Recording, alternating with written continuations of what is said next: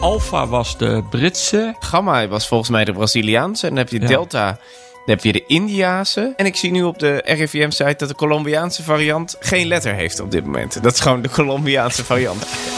Hallo, ik ben Kees Dorrestein. En ik ben Diederik Gommers. Ja, bekend IC-arts en OMT-lid. En in deze podcast beantwoordt hij jouw coronavragen. Stuur je vragen naar me op via WhatsApp 06 8370 9229, via de mail gommers.bnr.nl of via Instagram BNR Nieuwsradio. Dan leg ik ze aan hem voor. Vraag het. Gommers. Goed dat je weer luistert. We hebben een paar mooie vragen. Onder andere over hoe gevaarlijk die Colombiaanse variant nou is, die nieuwe. En wanneer worden de vaccins die we nu kennen geüpgrade? Of is dat helemaal niet nodig? Werkt het eigenlijk tegen alles hartstikke goed? Allereerst Diederik, zoals elke aflevering, hoe gaat het? Ja, met mij persoonlijk gaat het hartstikke goed. Het, was, het is gewoon rommelig nog. Wij zijn ja, net vanochtend ook. Kan de operatie wel doorgaan, niet doorgaan. Steeds op zoek naar IC-bedden. Omdat we gewoon minder bedden open hebben door de vakantie. Dus het is, het is even een lastige periode. Maar we Dus- blijven iedere dag zoeken naar oplossingen. Dus jij hangt weer aan de telefoon met andere ziekenhuizen. Heb je een bed voor? Ja, nee, we hebben vanochtend om half tien. Dan hebben we iedere dag de overleg met de intensivisten uit onze regio. En dan bespreken: heb jij een bed, heb jij een bed? Of moet jij een patiënt kwijt? Ehm, en dan eh, helpen we elkaar. Want landelijk is het heel erg moeilijk nu om COVID-patiënten te spreiden. Want iedereen heeft last van dat hij minder bedden open heeft. doordat die mensen op vakantie dan wel ziek zijn. Ehm, ja, en, en de enige knop waar we aan kunnen draaien is operaties afzeggen. En dat wil je echt pas doen als het echt niet anders kan. Ehm, want we moeten ook een paar bedden open hebben voor trauma's, reanimaties. En dat, Ja. dat, en dat is het gevecht wat we nu voeren. Ja. Dus het staat een beetje onder druk. Er liggen eigenlijk net 100 COVID-patiënten te veel. Dan zouden we het rustiger hebben. En nu ehm, ja, hebben we het zwaarder. Want de cijfers gaan omlaag, maar dat zie je natuurlijk in vertraging pas weer op de IC's. Ja, dus de IC, eh, we zitten nu nou ja, net boven de 200. Ehm, we hebben het idee dat het nu afvlakt, maar we zien het graag dalen. En we krijgen wat meer lucht als het weer 100 is.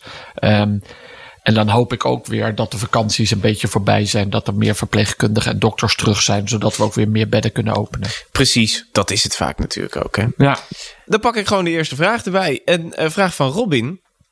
Hij was niet de enige die deze stelde. Ik kreeg hem een paar keer voorbij.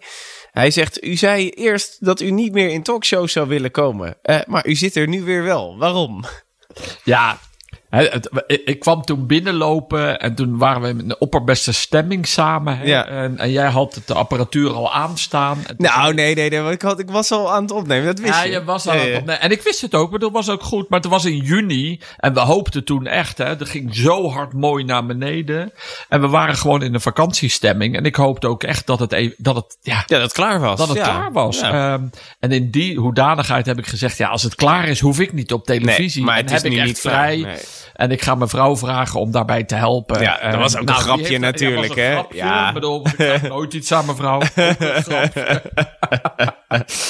Ehm, maar, maar ja, als de COVID er is. Ja, ik bedoel, ik, ik, ik, ja, het gaat niet meer om op tv. Maar ik vind gewoon goed uitleggen wat er op de intensive cares en wat er met COVID gebeurt. Dat is het allemaal. Ja, en het is nu weer het loopt weer wat op op Ja, de het IC's. is nu weer weer natuurlijk, op. dus en op het moment ja, dat het weer gaat dalen. ehm, Dan word je ook minder gevraagd. ja, dat is het ook, ja. dat is, het is een wisselwerking. Ja, en plus ik denk ook wel dat als er weer dingen met corona spelen, dat ze dan eh, vaak gewoon jou bellen. Want dan denken ze, ja, die, die, die gommers die kan het uitleggen. Ja, nou ja. En ik bedoel, en, eh, dat doe ik graag om het goed uit te leggen. Omdat ik het belangrijk vind om zoveel mogelijk mensen te bereiken. Om zich dat ze uiteindelijk zeg maar voldoende informatie om de goede besluiten te nemen. En een van die belangrijke dingen is dat we zoveel mogelijk mensen in Nederland gevaccineerd uh, zijn. Want dat helpt ons aan het eind van het jaar. Snap je? Hoe meer mensen gevaccineerd zijn, uh, hoe kleiner het risico is dat er een aantal mensen naar de intensive cares komen. En dat is mijn rol. Snap je? In de voorzittersrol van onze beroepsgroep moet ik proberen te zorgen dat, er, dat wij uh, nou ja, altijd een bed hebben voor iemand die dat nodig heeft. Ja. Het is wel grappig. We hebben het al zo vaak over jouw vrouw. Wat vindt jouw vrouw ervan dat we het zo vaak over haar hebben? Ja. Of luistert ze de podcast niet? Nee, ze luistert zeker niet. En ze wil ook helemaal buiten de media blijven. Er Ja, is dat ook snap ik heel goed. foto van haar. Plus, als jij al de hele avond thuis bent, dan ga je ook niet een podcast opzitten waarin jij allemaal dingen aan het uitleggen bent. Nee, Dat snap ik ook wel goed, ja. dan zou ik ook denken, ja schat, eh, laat maar zitten. Ja, genoeg over die COVID. Ja, ja. Ehm, een andere vraag dan van Alina en Nadesje. Zij vragen zich af hoe gevaarlijk is het als je tijdens of vlak na een coronavaccinatie besmet wordt met corona zonder dat je het weet. Eh, moet je daarna dan ook nog weer die, die tweede prik hebben? Ja, kijk, ehm, het is niet gevaarlijk. Er wordt wel gezegd door de RIVM of de GGD's dat als je koorts hebt, stel het dan uit. Dus als je het weet en je hebt koorts, stel het uit, die vaccinatie. Maar gevaarlijk is het niet. Waar het er natuurlijk om gaat is, als die periode tussen het vaccin en daarna COVID krijgen iets langer is, maakt je lichaam meer antistoffen. En wat we natuurlijk al vaker over gehad hebben, dat je lichaam ook af en toe een boost nodig hebt. Dat is of het tweede vaccin, of dat jij het virus oploopt. Um, en dan maakt jouw lichaam weer antistoffen aan. En voor die Delta-variant is het gewoon belangrijk dat je veel antistoffen hebt. Um, dus ja, uh, als het te dicht op elkaar zit, dan is het te weinig boost-reactie van je lichaam. Want die is dan eigenlijk gewoon antistoffen aan het maken. En dan zou eventueel een tweede prik echt belangrijk zijn. Ja, precies. Want het is niet zo dat, dat dan eigenlijk ben je met hetzelfde proces bezig. Op Ja. het moment dat je corona dan hebt of dat vaccin, dan ben je eigenlijk op dezelfde Ja, manier bedoel, of, de, of die eiwitten komen van het vaccin, die, die spike-eiwitten waar je die antistoffen tegen maakt, of van het virus zelf, omdat het in je lichaam zit en net in je neus um, bezig is om zich te nestelen. Ja, dus uh, niet gevaarlijk. Heb je dan nog een prik nodig? Ja, waarschijnlijk wel. Ja, Ja. als het te dicht op elkaar zit. Uh, Alice dan. Ze zegt, ik luister altijd met veel plezier naar deze podcast. Nou, dat vinden we leuk om te horen. Ik ben heel benieuwd naar het antwoord op mijn volgende vraag. Want eind januari hebben mijn man en ik beide corona gehad. Mijn man had toen geen klachten. Ik had lichte klachten. Beetje keelpijn, dat soort dingen. Um, wij hebben beide één prik gehad. Uh, Pfizer en Moderna. En vanwege eerdere besmettingen zou één prik voldoende zijn. Nu hebben we echter weer corona gekregen en beide zijn we wel veel beroerder dan de vorige keer. Koorts, spierpijn, verkouden, geen reuk en smaak enzovoort. Uh, is één prik wel voldoende als je bijna geen klachten hebt gehad bij je besmetting? Ja, goede vraag. En vooral ook omdat ze alle twee weer ziek zijn geworden en, en best met uh, aardige klachten of aardig, bedoel ernstige klachten. Um, ja, het is gewoon heel belangrijk dat je nu met die Delta variant veel antistoffen hebt. En, en, en we hebben ook gezien in het begin dat als je maar matige klachten had, dat je niet zoveel antistoffen aanmaakte. En de en mensen zijn verschillend. De ene wel en de ander niet. Maar dat kwam vooral uit die, in het begin nog met die Wuhan variant, uit die sanguine. Hè? Dus de, de bloedbanken gaven aan dat sommige mensen hadden wel antistoffen en anderen maar matig. Ja, en als je dit verhaal zo hoort, ja, dan, ja, bedoel, het, het was een advies, het was absoluut van de RIVM. Uh, ook in het kader, omdat we op dat moment weinig uh, vaccins hadden. Mm -hmm. Ja, en nu uh, merk je gewoon, omdat er nu meer vaccins nemen, hebben we die regel toch wel weer een beetje aangepast. Uh, en is het toch verstandig dat als je maar matige klachten hebt gehad en de kans dat je weinig antistoffen, ja, neem dan twee vaccins. Maar dat komt ook omdat we, ja, tot en met mei waren er beperkt aantal vaccins. En nu de laatste twee maanden zijn er meer vaccins. En, en is dus het advies een beetje aangepast. Ja, en ik denk ook als jij uh, bijvoorbeeld antistoffen tegen de Britse variant hebt aangemaakt, werken die dan wel tegen de Delta variant? Ja, ja, echt wel. Dat wel. Ja, Oké. Okay. Ja. Dus want ik, ik, ik hoorde, uh, ik las wel eens van die verhalen uh, inderdaad waar dat dan niet het geval zou zijn, maar dat, dat klopt dus niet. Dat nou, is... op dit moment is daar geen aanwijzingen voor. Nee. Um, en, en dus, um, hè, dus de antistoffen die je hebt tegen de Britse variant, daarmee zorg je ook dat je niet ernstig ziek wordt van de Delta variant. En dat zien we ook met die vaccins. De vaccins ja. hebben zich nog niet helemaal moeten aanpassen omdat deze variant niet werkte. Dus, uh, nee. Nu denk ik wel, uh, in dit geval, uh, van Alice en haar man. Ja, die hebben nu twee keer corona gehad en een prik. Is dan ook nog die tweede prik nog nodig? Of is dat die, die tweede keer dat ze heftiger corona hebben gehad dan voldoende? Ja, dat is een hele moeilijke eigenlijk. Want eigenlijk zou je nu zeggen, ze hebben corona gehad, toen een vaccin en toen weer ernstige corona. Dan zou je bij elkaar tellen, dan heb je voldoende boostreactie hebt. Dus als zij verder gewoon gezond zijn, moet je eigenlijk hier toch wel zeggen, dan heb je voldoende antistoffen. Uh, heeft je lichaam waarschijnlijk aangemaakt. Ja, ja, omdat ze dan waarschijnlijk nu ook de Delta-variant hebben uh, Ja, ja. gekregen. Ja. Ehm eh, Yvonne dan. Ze zegt, we hebben het telkens over extra vaccineren.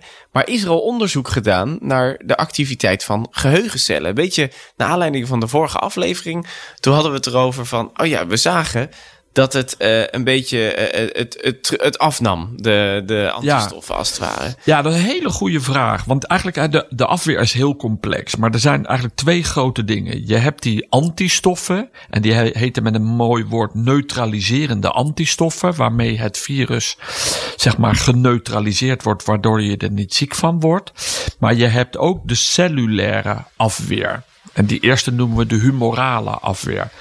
Ehm, die cellulaire afweer, dat zit vooral in je T-cellen. En je hebt T-cellen. Dat zijn de geheugencellen. Ja, dan, die T-cellen bestaan ook weer uit twee. Je hebt T-cellen die, waar het virus inzetten dat die de cellen van het lichaam inactiveert en vernietigt. En je hebt die geheugencellen. En die geheugencellen, die zetten die B-cellen weer aan tot het maken van neutraliserende antistoffen. En die geheugencellen zijn echt belangrijk.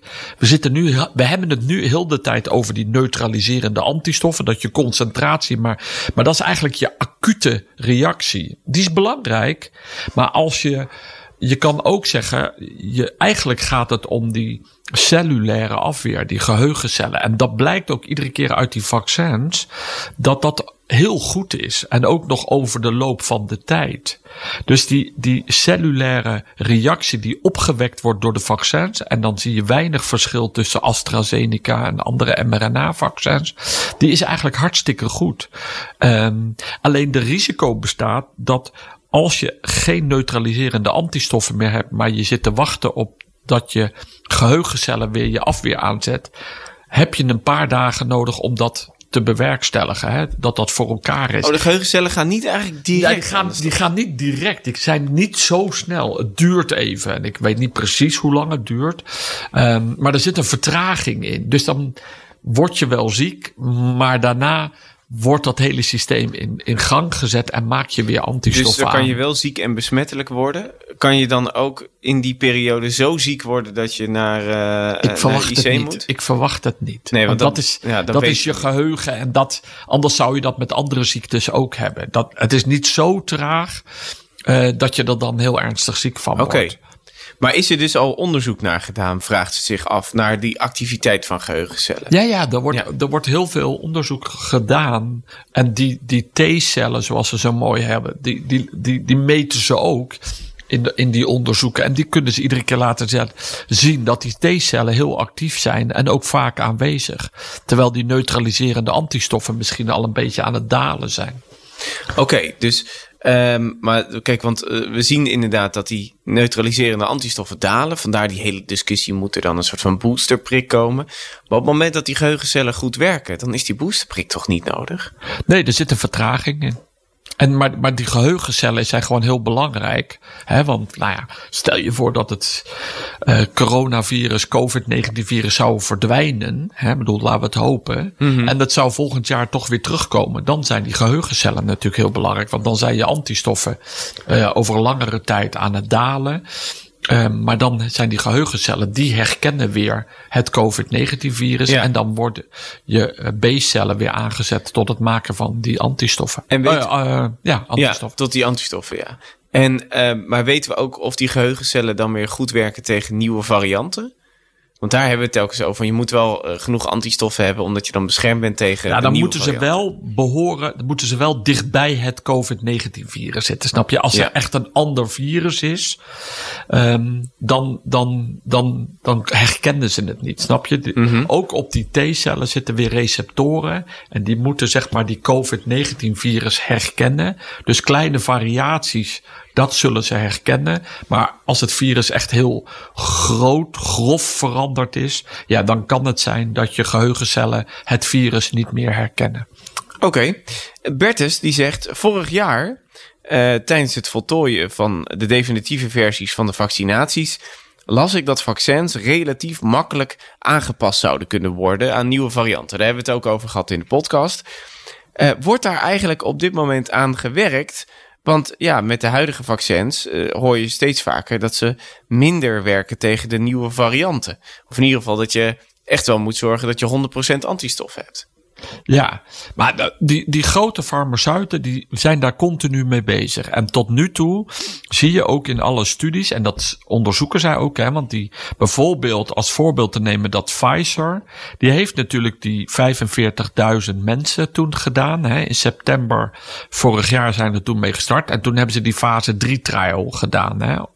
En dat was 45.000 mensen in twee groepen. De ene kreeg nep-vaccin en de andere kreeg het mRNA-vaccin. En die mensen vervolgen ze, uh, vervolgen ze nog steeds.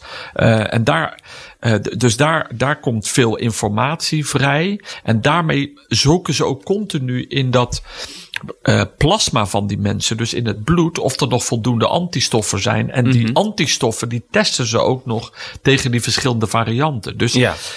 Die farmaceuten en de studies laten nog steeds zien dat die Delta-variant nog steeds goed wordt aangevallen door die neutraliserende antistoffen die door de huidige vaccins uh, worden opgewekt. Dus er op dit moment is er nog geen reden om die boodschap die in het vaccin zit, om die aan te passen. Als die eiwitten, lees die structuur van die virussen echt gaat veranderen, dat er eigenlijk een ander eiwit aangemaakt moet worden, dan gaan zij die boodschapper aanpassen. Dus dat mRNA. Nou, en ja, ze zitten er continu bovenop, omdat het een, nou ja, het is een wereldprobleem. Um, dus ja, er is op dit ja. moment nog niks aangepast. Nee, dat was het, niet nodig. Het is mogelijk, maar het is nog niet nee. handig om dat nee, te doen. Dat want is op het dit moment niet mo- het is nog niet noodzakelijk op dit moment. Nee, nee, precies. Jolanda, die vraagt: Ik heb corona gehad en kreeg daardoor last van haaruitval. Daardoor vrees ik het vaccin, omdat ik niet opnieuw daarvan last wil krijgen. Wat weten we over haaruitval bij vaccins als bijwerking? Ja, nou, haaruitval gebeurt heel veel, hè? maar vaak zijn het stressmomenten bij mensen waarom ze haaruitval hebben. Um, ik heb ook veel haaruitval op het moment, maar ik ben helemaal niet gestrest. Maar nee, blijkbaar, is, uh... blijkbaar heb ik dat. Maar um, ik ben het op de site gaan zoeken bij de LAREP. Um, en daar staat zeg maar de top 10 van uh, bijwerkingen. Daar staat haaruitval niet bij. Hè? De top 3 is de meeste mensen hebben klachten van hoofdpijn. Tweede is je niet lekker voelen. En de derde is vermoeidheid. Nou, Staat het er dan helemaal niet? Nee, dat is ook niet waar. Um, van bijvoorbeeld, als je kijkt bijvoorbeeld naar Pfizer, daar hebben ze bijna 50.000 meldingen over bijwerkingen. En dan schrijven ze dat 31 mensen hebben geklaagd over haaruitval. Dus dat is heel weinig, maar het is niet nul. Nee. Uh, is er dan nog een andere? Bij AstraZeneca heb ik gekeken. Daar hebben ze 35.000 meldingen over bijwerkingen. En daar hebben 16 mensen aangegeven uh, haaruitval in relatie met het vaccin. Nou, dat zijn meldingen. Dat betekent dat het nou ja, geregistreerd wordt, uitgezocht wordt. Maar dat wil nog niet zeggen dat het echt te maken heeft met het vaccin. Het kan dus, dus ook met stress te maken hebben. Ja, of iets anders. Maar antwoorden op uh, uh, Jolanda. Het is dus beschreven dat je na een vaccin bij een heel laag aantal mensen dat ze last hadden van haaruitval. Dus ja, uh, als zij dus zegt van ja, moet ik me zorgen maken? Ja, het zou kunnen, uh, maar het is echt, echt heel erg klein.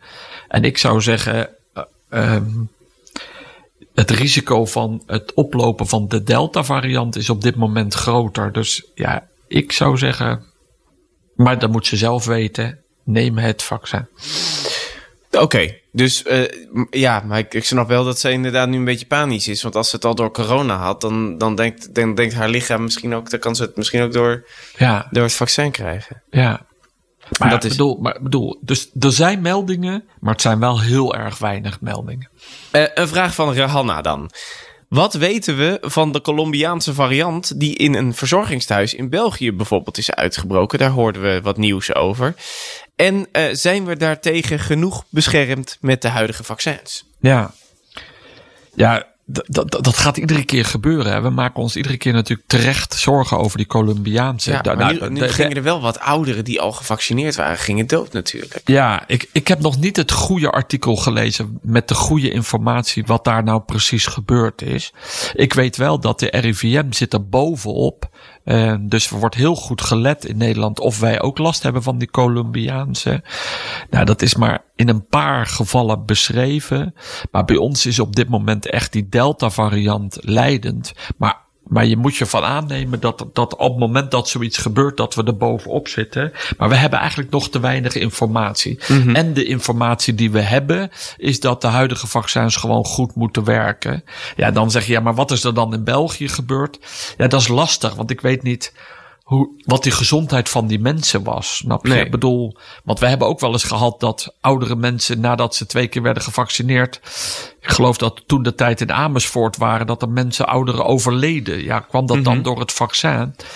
Ja, dat is heel lastig bij oudere mensen, snap je? Ik bedoel, ik- daar moet je wat meer medische achtergrond hebben om de goede conclusies te kunnen trekken. En dus Ja. ik, eigenlijk zitten we te wachten op het wetenschappelijke artikel wat dan, dan daar gebeurd is. Maar op Ja. dit moment hoeven we ons nog geen zorgen te maken met de informatie die we op dit moment hebben over die Colombiaanse. Nee, en is dat dan de lambda-variant of de... ja, zoiets hè. Dat wordt de volgende letter. Dat wordt de volgende letter, maar er zijn al heel veel eh, meer kleine varianten inderdaad. eh. Ja, ja. Ja, de, de, de, de, virologen werken met, met nummers, codes. Eh, maar uiteindelijk hebben we natuurlijk tegen elkaar gezegd dat het een letter is. En ik weet niet of ze nou aan lambda of aan de gamma zitten. Dus ik weet niet. Nou ja, maar gamma, dat is... eh, als ik mijn Grieks ken, dan heb je natuurlijk alpha, beta, gamma, delta. Dus gamma, dat was dan... Oeh, welke was dat dan? Was dat dan de Braziliaanse? Ik denk dat... eh, Want alpha was de Britse, beta was. ja, die, die hebben we eigenlijk amper gemerkt. Dan heb je gamma, was volgens mij de Braziliaanse. En dan heb je Ja. delta, dan heb je de Indiase. En dan... Oh, daar heb je... En Ja. Het grappige is, ik zit op de RIVM-site nu te kijken.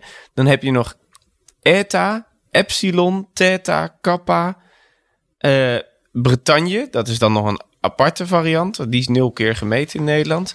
Dan, eh, en dan heb je ook nog lambda staat er ook dan bij. En iota, maar ik weet niet welke. Ja, die beta was die Zuid-Afrikaanse. Ja, oké. nou, de Colombiaanse, welke letter die dan heeft, dat weten we niet precies. Nee, nog niet. Daar, daar gaan we naar, naar, op zoek. Maar het kan, dan denk ik ook nog, kan het nog zo zijn... Want dit verzorgingshuis, er zaten echt oudere mensen in. Dus die hebben echt begin januari hebben die een prik gehad. Dus kan het zo zijn dat, ze, dat, dat de antistoffen al zo waren gedaald... dat dat dan toch impact heeft gehad, zo'n nieuwe variant. Ja, het is lastig te zeggen, denk ik. Maar... Ja, maar dan, dan- maar dan zou je zeggen ehm, dat dan de Colombiaanse nog meer antistoffen nodig heeft dan de, Ja. dan de Delta. Maar de, de Delta heeft al zoveel antistoffen nodig, snap je? Dus Mhm. ja, we, ik zou zeggen even afwachten, snap je? Want er, op het moment is er geen, er zijn geen andere berichten dat die Colombiaanse al huishoudt en dat, ons, ehm, dat we daardoor meer antistoffen nodig hebben. Dus ehm, we houden het goed in de gaten. Maar we weten in ieder geval, er zijn een paar gevallen... maar dat wordt ook strak in de gaten gehouden door, eh, door het RIVM... eh, Ja. wat dat betreft. Ja, het is, eh, het is gewoon heel lastig om, eh, om te zeggen. Ja, het ging om 80. En dat, en dat 90-plussers. merk je dus wel. Hè? Dus hoe belangrijk bepaalde varianten. Want bepaalde varianten zorgen er ook voor dat andere varianten niet tot, ja, tot uiting komen. Snap je? Die delta is nu zo krachtig. Die duwt eigenlijk de andere varianten nu weg in Nederland. Dus het kan ook zijn dat bij ons die delta. En door de middel van onze immuniteit, door afweer of omdat je al COVID hebt gehad. Dat die Colombiaanse gewoon geen voet aan de grond krijgt in Nederland. Hè? Dat hoop je natuurlijk ook. Want hij moet echt dan besmettelijker zijn dan de delta. Want anders blijft de delta overheersend. Ja, exact. Ik zie nu dat Public Health England... die meldt dat, het niet, eh, dat er geen bewijs is dat het extra besmettelijk is. En ik zie nu op de eh, RIVM-site dat de Colombiaanse variant eh, geen letter heeft op dit moment. Dat is gewoon de Colombiaanse variant. Ze hebben alles een letter gegeven en dan hebben we de Colombiaanse variant. Ja, maar dat betekent Jongens. dat, meestal betekent dat hij dan nog niet belangrijk genoeg is. Nee, exact. Dus onderzoek afwachten. Dat is eigenlijk wat we nu weten daar, daarover. Ehm, Frans, die zegt... liggen er mensen in het ziekenhuis... die al eerder met corona in het ziekenhuis hebben gelegen? Dus een soort van herhaalpatiënten. als je gezond bent, eigenlijk niet.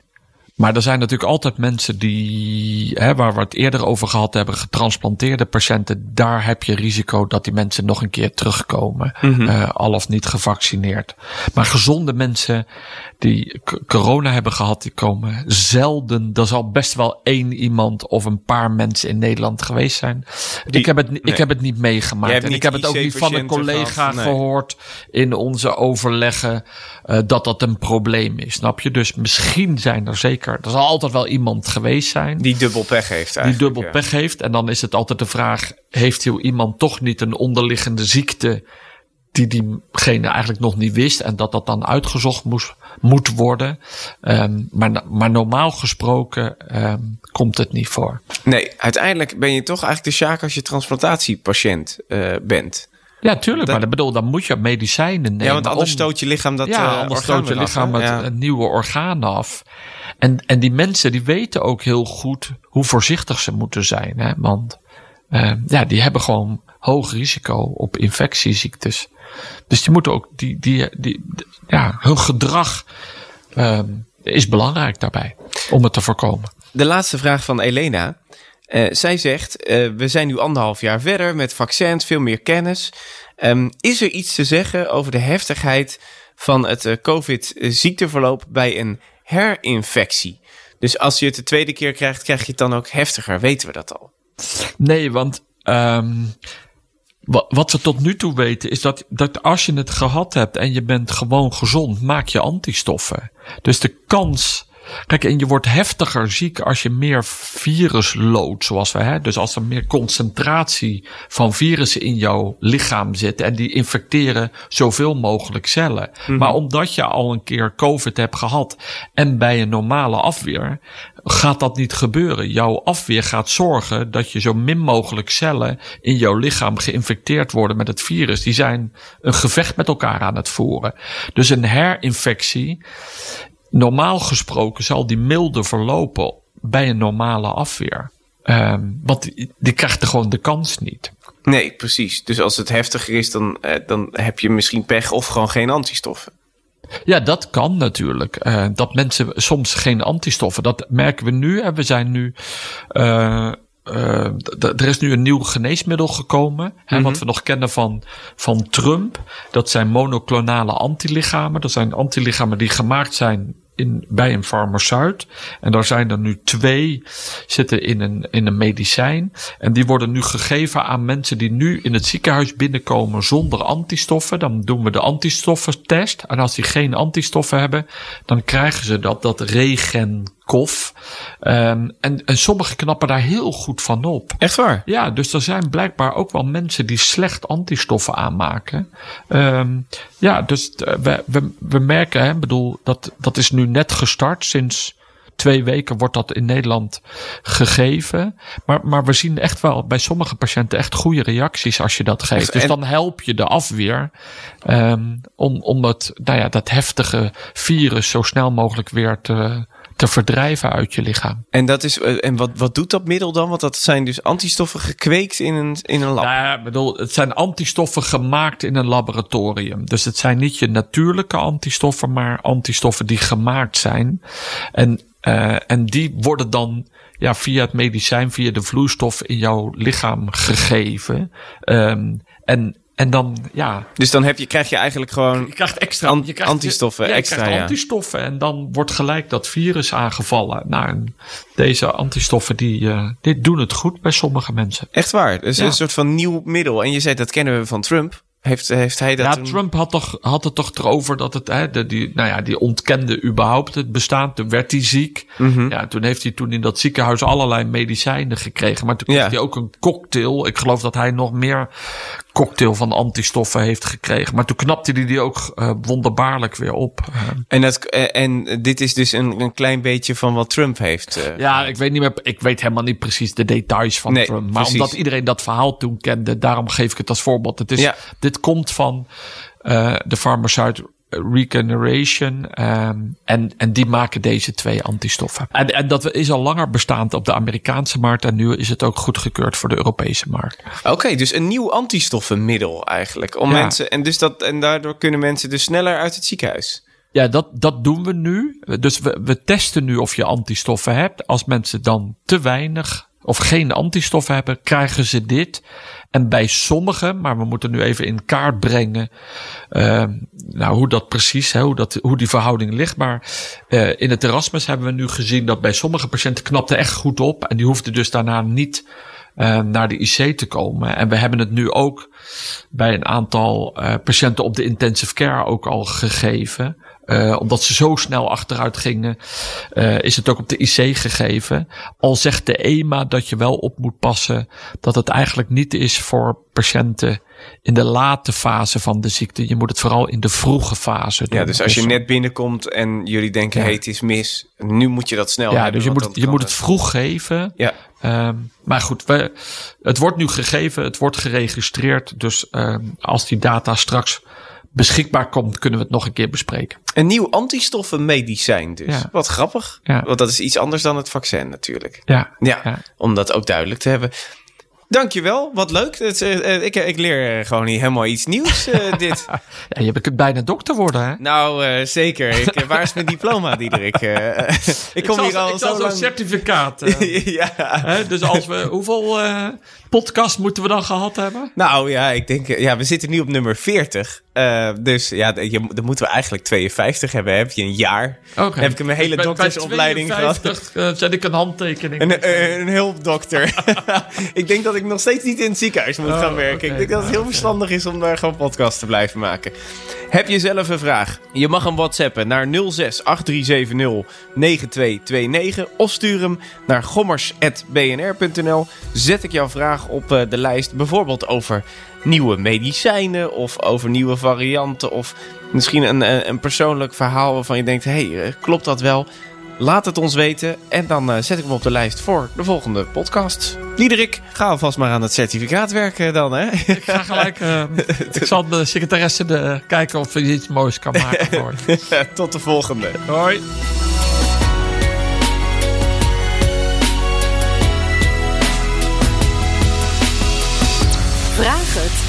Vraag